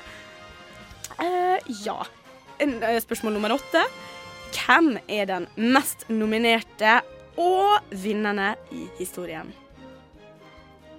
Hvis man ikke vet, så kan man nesten gjette seg til det her. Uh, person? Yes. Han er det Meryl Streep, da? Nei. Jeg tror det er en mann. Ja. Men Det er jo gjerne det. Gjerne en hvit mann. Jeg vet ikke hvem det skulle vært, da. Uh, Ja. å, er det han eh, Tom Hanks? Nei. Vi skal komme oss fram til det her. Tenk en person som har virkelig påvirka filmverden noe så kolossalt. Martin Freeman? Tenk filmskaper. Morgan Freeman mente jeg. Ikke Martin Freeman, det var ikke det jeg mente. Unnskyld. Um, Tenk på barndommen. Walt Disney. Ja. Men jeg synes jeg, Sorry, du får ikke noe oh, ja. poeng for den, egentlig, sånn siden det var så mye hint her. men, altså, Walt Disney har eh, vært eh, hvor eh, Ja, han har vært nominert 59 ganger. Og han har vunnet 23 ganger. Jeg syns på en måte ikke han teller, jeg, da. Men, Nei, eh, men er det liksom Er det jo, hans fortjeneste? det ekte OK, det var når han var liksom Alle filmene han var i live og regisserte og Ja, han har vel vunnet et par etter han døde, eller noe sånt, men uh, det er han som person som har vært der og tatt imot og sånn. Ja, og så Å, det var en så fin fun fact om eh, når han vant for Snøhvit, så fikk han eh, ikke bare én Oscar-statuett, han fikk en stor Oscar-statuett med sju små. Wow. Er ikke det så koselig? Ja. Det er så sykt Alle koselig. små dvergene. De var på en måte montert ned på sida, sånn på skrå, at liksom, eller de gikk nedover, de små. Det er gøy. Det er veldig stilig. Uh, og så, ja, når du først har vunnet da, en Oscar-statuett, eller over 20, som Walt Disney hadde gjort, hvor mye kan du selge den for, er spørsmålet. Oi, kan du selge den tilbake til liksom eh, Oscarene, eller bare Eh, Det er det, da. Kan du selge den videre, liksom? Kan Kan man sliter litt med penger for tiden. Kan man selge den videre? Hvor mye får man for den? Det er jo ekte gull på de da, det må jo være Ja. ganske mye verdt. Og jeg vet ikke hvor mye sølv og bronse Ikke så mye. Nei, ass. Nei, hvis dere bare, bare gjetter hva, hva er på en måte det minste du Eller, eller hva jeg skal si Nei, er det et par tusen dollar? Eller skal vi opp i liksom flere b- nuller? Nei, det er det, da. Jeg må nesten bare avsløre det her. Jeg tror det. Uh, du kan i utgangspunktet ikke selge Oscaren din, fordi før i gamle dager så var det en greie der for eksempel Altså, før, det var vel før eh, på 40-tallet en gang, da, så kunne man selge statuettene sine. Og noen gjorde jo det, og de var i sirkulasjon. Og for eksempel Steven Spielberg, han har jo kjøpt tilbake to stykk for 600 000 dollar for å donere dem tilbake til The Academy. Fordi Oi, ja. det er det som er reglene nå. At hvis du skal selge den, så må du først tilby Akademiet å selge den til dem for én dollar. Ja. ja. Så hvis du drømte om mange millioner dollar for denne statuetten, så får du i grunnen ikke det, for Akademiet vil ha den for én dollar. Ja, ja. Eh, Yes. Og så kommer spørsmål nummer ti. Uh, hva var greia, veldig bra formulert, hva var greia med Maggie Smith sin Oscar fra 1979? Hva, hva mener du? hva, hva greia Ja, var? bare okay. om dere hadde hørt om en hendelse eller en greie med Maggie Smith. Uh, nei, jeg vet ikke. Sa hun nei takk? Det er jo noen som gjør det. Ja, nei, hun sa ikke nei takk, da, men hun fikk den for ei rolle der hun spilte en person som var nominert, som ikke fikk Oscar. Så det er jo litt uh, koselig, da. Brukt tida di på det. Nei, men uh, altså, den som vant den quizen her, uh, det var jo ganske jevnt over Dårlig. dårlige fun facts fra min side her, da, i spørsmåla. Men vinneren er Trommevirvel Hanne! Det, var bare fordi at hjernen min, som aldri husker årtall, årstall, glimtet til og bare Ching. Ja, det er veldig bra. Det var en synes, sjelden eh, begivenhet dere var vitne til i dag. Jeg syns du skal få en eh, om, altså, Kanskje du skal få en 600 grams Oscar-statuett for det. Det syns jeg vi skal redusere. Det er bare hodet til Oscar. Eller at den er bare bitte, bitte liten. Lite flak. Ja. Kan, kan, du få, kan du få sånn armene, eller bare liksom rumpen til kroppsdel. Ja, oh, det hadde vært ganske bra da på, på en sånn Booty. Golden booty. Ja, nei, men det Nei, vet du hva? Da er det egentlig ikke så mange flere spørsmål på denne quizen her, så jeg tror vi bare går på en eh, sang her, jeg.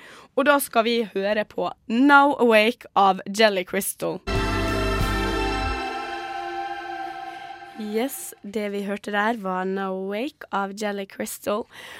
Og ja, vi har snakka mye om Oscar eh, i dag, og vi snakka jo Vi nevnte tidligere at det skal være livesending fra Nova Noir hele natta, egentlig.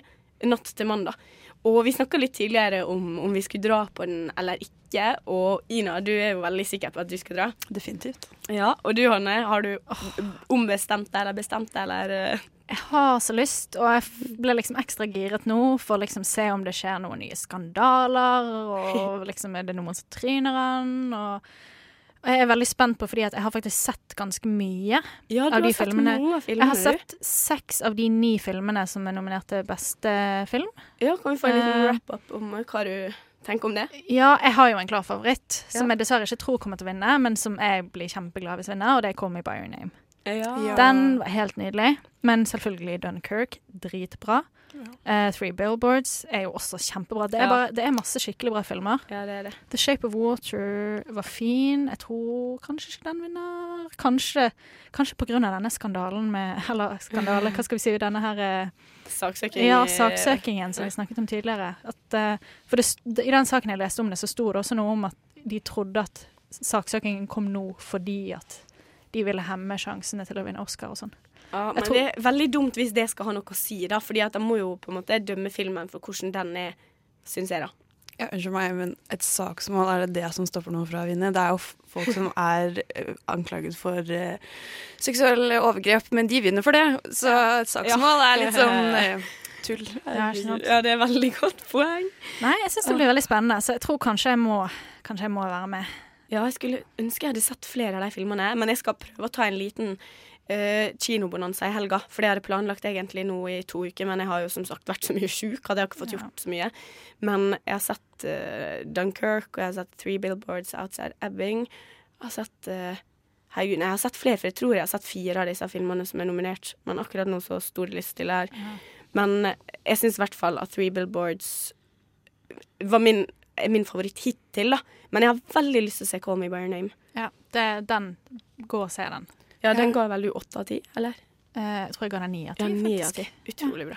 Nei, jeg har faktisk en gangs skyld sett alle filmene. Som Wow. er, men det er jo litt sånn snuskete. Ja, det er jo ikke alle som har kommet på kino i Norge ennå, Ina. Mm. Nei, altså det eneste Oppfordres ikke- ikke til her i Nova Noir. Nei, nei, altså ja, Ærlig og redelig. Men uh, jeg, eneste jeg ikke har sett, er The Post. Den skal jeg vel se nå til helgen. Ja, den har jeg jo sett også. Jeg likte ikke Three Billboards så veldig bra, så jeg heier egentlig ikke på den. Jeg tror Frances vinner beste kvinnelige skuespiller, da. Men jeg heier egentlig litt på Get Out. Selv om jeg ikke Ja, er noen ja, sånn horrorfan eller skrekkfan i det hele tatt. Men den har liksom skapt så mye oppstyr, da. Og det er jo den som har tjent De har vel tjent 500 eh, ganger av det de brukte på å lage Å, filmen. Altså, den har, og den kom ut jo tidlig i fjor, og den har Mm. liksom, er fortsatt en snakkis. da. Jeg tror den er definitivt eh, verdig. Ja, det er sant. Jeg er så lei meg for at jeg ikke har sett den, men den skal jeg vel greie å få sett uh, før Oscarsendinga. Men det som er med den, det er jo at eh, den er på en måte hovedargumentet til mange for at Oscarsendinga i år er såpass relevant som den er. Og vi snakka jo tidligere om hva som gjør Oscar mer eller mindre relevant. Og jeg tenker det at hvis Get Out vinner, så har det såpass mye å si, da, at det Jeg tenker at Oscarene er fortsatt relevant siden det er så stort. Det er så utrolig stort opplegg. Alle vet jo Altså, vi hører jo om Oscarene uansett, på en måte. Men hvis en sånn film vinner, da, så tror jeg det vil ha veldig mye å si for den, og for på en måte miljøet, da. Ja. Jeg tror det også det. Men et, de får jo litt kritikk der, fordi siden de blir fortalt det sånn Å, det er bare hvite skuespillere, og så velger de da bare de filmene som er ikke-hvite, det. Men jeg syns ikke det. Jeg synes det er et dårlig argument, for det er jo en utrolig god film. Og Mm. jeg tror Sånn eh, Natalie Portman sa eh, på Golden Globes i år at eh, det handler ikke om å eh, At det å liksom velge kvinneregissør, for eksempel, da, det er jo ikke et offer. Det er jo bare å gi de støtte og penger. Ja, Mm. ikke sant. Men apropos eh, Golden Globes, tror dere det blir noe sånn eh, antrekksopplegg at kler alle seg i svart på Oscaren også, eller blir det de første kjolegreiene? Fordi at jeg har hørt rykter om at vi har en tekniker her som er litt eh, fan og ekspert på eh, Oscar-antrekk. Så jeg tror vi, vi kan få litt kommentarer på det òg eh, under sendingen. Ja. Nei, veldig, det er veldig spennende. Nei, jeg er egentlig litt sånn Jeg syns at den uh, kleskodetingen er litt teit. Jeg syns det er litt for lett, på en måte, da, å kunne gå i svart eller bruke en Times Up-pin, og da er det plutselig helt greit da, at eh, du har blitt anklaget eller ikke har sagt ifra om at folk har gjort jævlige ting mot ja, andre. Det er jo på en måte Altså, det er jo ikke greit. Det er jo ikke greit selv om man gjør det, men jeg, jeg tenker at det Hvis det skaper mer eh, Altså, hvis det får mer oppmerksomhet til temaet, så tenker jeg at da vil det alltid være en bra ting, selv om det er langt ifra godt nok.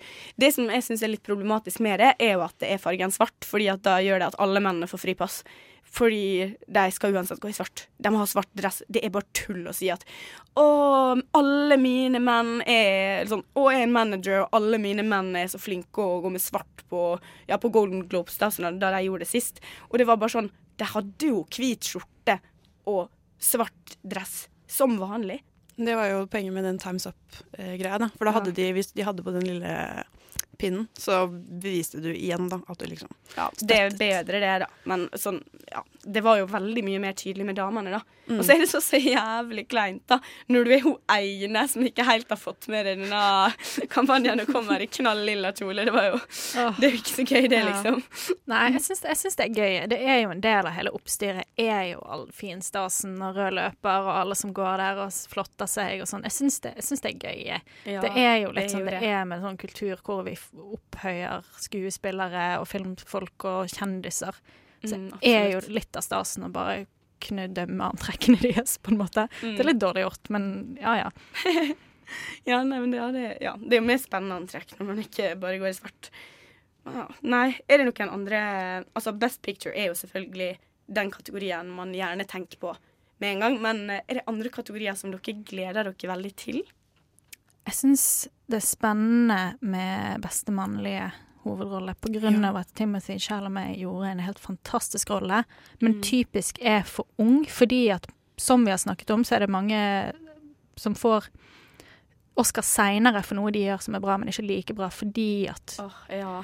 Mange tenker at dette er hans første skikkelig store rolle. Mm. At kanskje det blir litt sånn Det blir veldig stor fallhøyde for han da, hvis han vinner for den. Ja. Litt sånn Men, Jennifer åh, Lawrence kanskje har Kan ikke dømme for Opplevd? prestasjonen? Ja, men det er jo litt sånn med det innslaget mitt, da, at hun, eh, hun Marissa Tomei, som vant eh, beste kvinnelige supporting actress, hun eh, ble jo det var en konspirasjonsteori om at hun ikke fortjente den prisen. At det var helt feil at hun skulle få den prisen, fordi hun var så ung og uerfaren i forhold til Å, alle andre. Det er også så forferdelig, for tenk så mye det Eller det er jo ikke sikkert hun tar det sånn til seg, men jeg tror de fleste ville tatt eh, seg ganske nær av det. da. Du får på en måte en, altså du får den største æra du kan få på en måte i din situasjon, og så er det noen som bare bæsjer på det etterpå. Ja. Det er jo skikkelig dårlig gjort. Ikke sant? Men jeg syns det er Slemt. interessant med den kategorien i år, fordi det er tungtvektere som Gary Oldman og Mm. Daniel Day-Lewis, som begge to Ingen av de har vel vunnet før? Daniel Day-Lewis har vunnet tre Ja, stykker. ja, ja, jeg trodde han Mm. bare var blitt nominert 18 ganger. OK. Mm. Men det, snakk om at han bør vinne fordi det kanskje er hans siste film.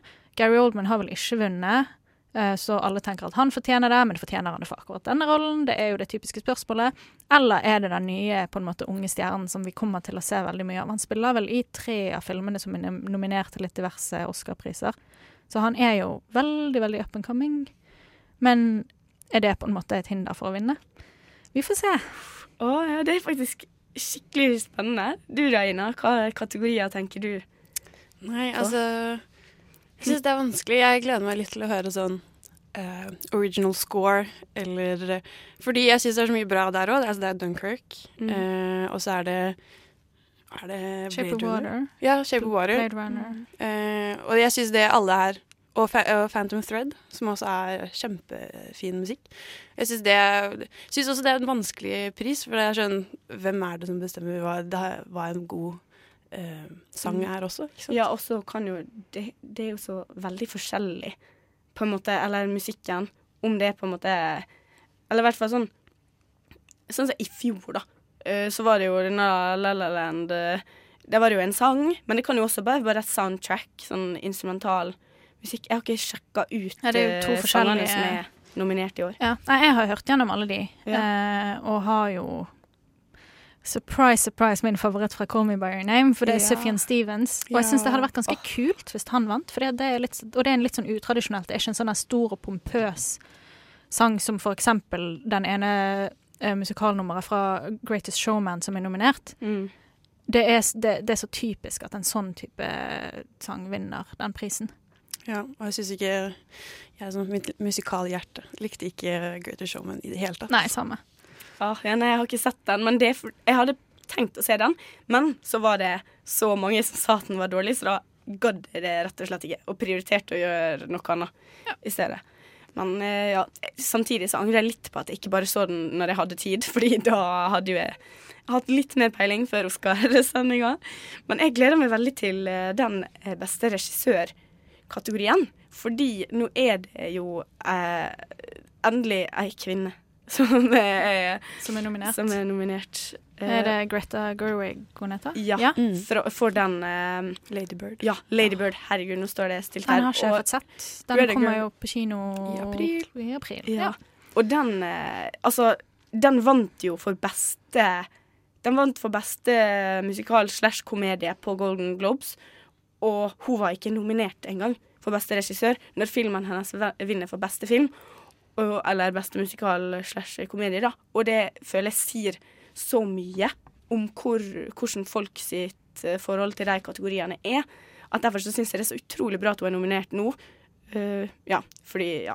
Selv om jeg ikke har sett filmen, så bare skjønner jo man det at når den vinner en sånn pris, så må det jo ligge noe i det, liksom. Ja.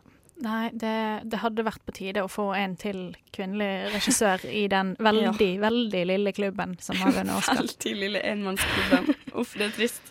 Men så er det det igjen, da. Er det Skal hun vinne bare fordi hun er kvinne? Eller skal hun liksom Nei, det syns jeg absolutt ikke. Så det, det er ikke det jeg mener. Eh, kanskje jeg formulerte meg litt dårlig, men jeg syns i hvert fall det er bra at hun er nominert. da. Ja, det ja. er så utrolig viktig. Og om, om hun vinner på en måte, Jeg bryr meg ikke så mye om det. sånn sett. Det hadde vært kult om hun vant, men selvfølgelig må jo den vinne, den som fortjener det mest. Men det er bare så utrolig kult at eh, det blir mindre mannsdominert i den kategorien. Det burde, folk burde venne seg mer til det. Det heier jeg på generelt. Og det er vel også første gang at det er en kvinnelig cinematograf som er nominert, tror jeg. For ehm, Og er det Er det Shape of Water? Nei. Er det Ladybird, det òg? Nei? Nei, det er jeg, det nei, ikke. jeg husker ikke. Åh, det var dårlig å trekke en sånn halvdårlig fakta ut av hatten. Nei, men nå har jo jeg gjort det mange ganger i dag, Ja, så men er det er, det er i hvert fall en som er Mudbound.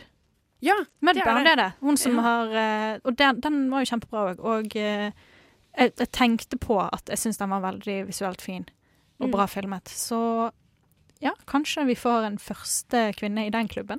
Ja, det blir veldig kult å se. Det, hva tenker du, Ina? Jeg tenker Det er jo litt kult at en Netflix-film har blitt eh, nominert til Oscar. Det er litt sånn er det, Netflix blir jo liksom, liksom degradert litt sånn ah, serier og litt sånn halvveisfilmer, men nå altså Oscar-nominasjon, det er ganske kult. Da. Ja, det er veldig kult. Jeg tror dette blir kjempespennende. Men det er ikke bare Oscarsending som skjer framover ved Nova Noir. Vi skal mandag, altså etter ei heavy natt med sending, så skal det faktisk være livesending i Glassbaren her på Chateau Neuf. Og den starter klokka halv seks og varer til halv sju, så der blir det én time da før uh, Cinema Neuf skal ha ei framvisning av Stephen King-filmen 'Carrie'. Så den sendinga blir da altså uh, Stephen King-tema, og er for å oppsummere igjen, eh, mandag 5. mars, livesending, Glassbaren, 17.30. Så vi håper jo at folk vil komme dit og høre på, hvis det er noen Stephen King eh, De som ikke Fans. sitter oppe hele natten og følger med på Oscarsendingen vår, forventes eh, oppmøte Ja, dere har ingen unnskyldning. Nei, men da nærmer vi oss slutten, dessverre. Men det har vært ei skikkelig spennende sending. Innholdsrik. Ja, innholdsrik. Vi har anmeldt to filmer. Red Sparrow fikk tre av ti. Ikke se den. Uh, Now It's Dark fikk sju av ti. Gå og se den. Jeg heter Tone Hafsås. Med meg i studio har jeg Hanne Marie Nord, Ina Sletten, og vi har tekniker Ulrikke Sevenne. Og takk for oss, egentlig. Ja. ja. Hold oss med selskap eh, natt til mandag, da. Ja, bli med. ja, det syns jeg alle skal vurdere å gjøre. Og så ja, så er vi tilbake hver torsdag. Dere kan følge oss på Facebook, Instagram osv. Men ja, vi snakkes. Det gjør vi. Hei da. Ha det bra. Ha det bra.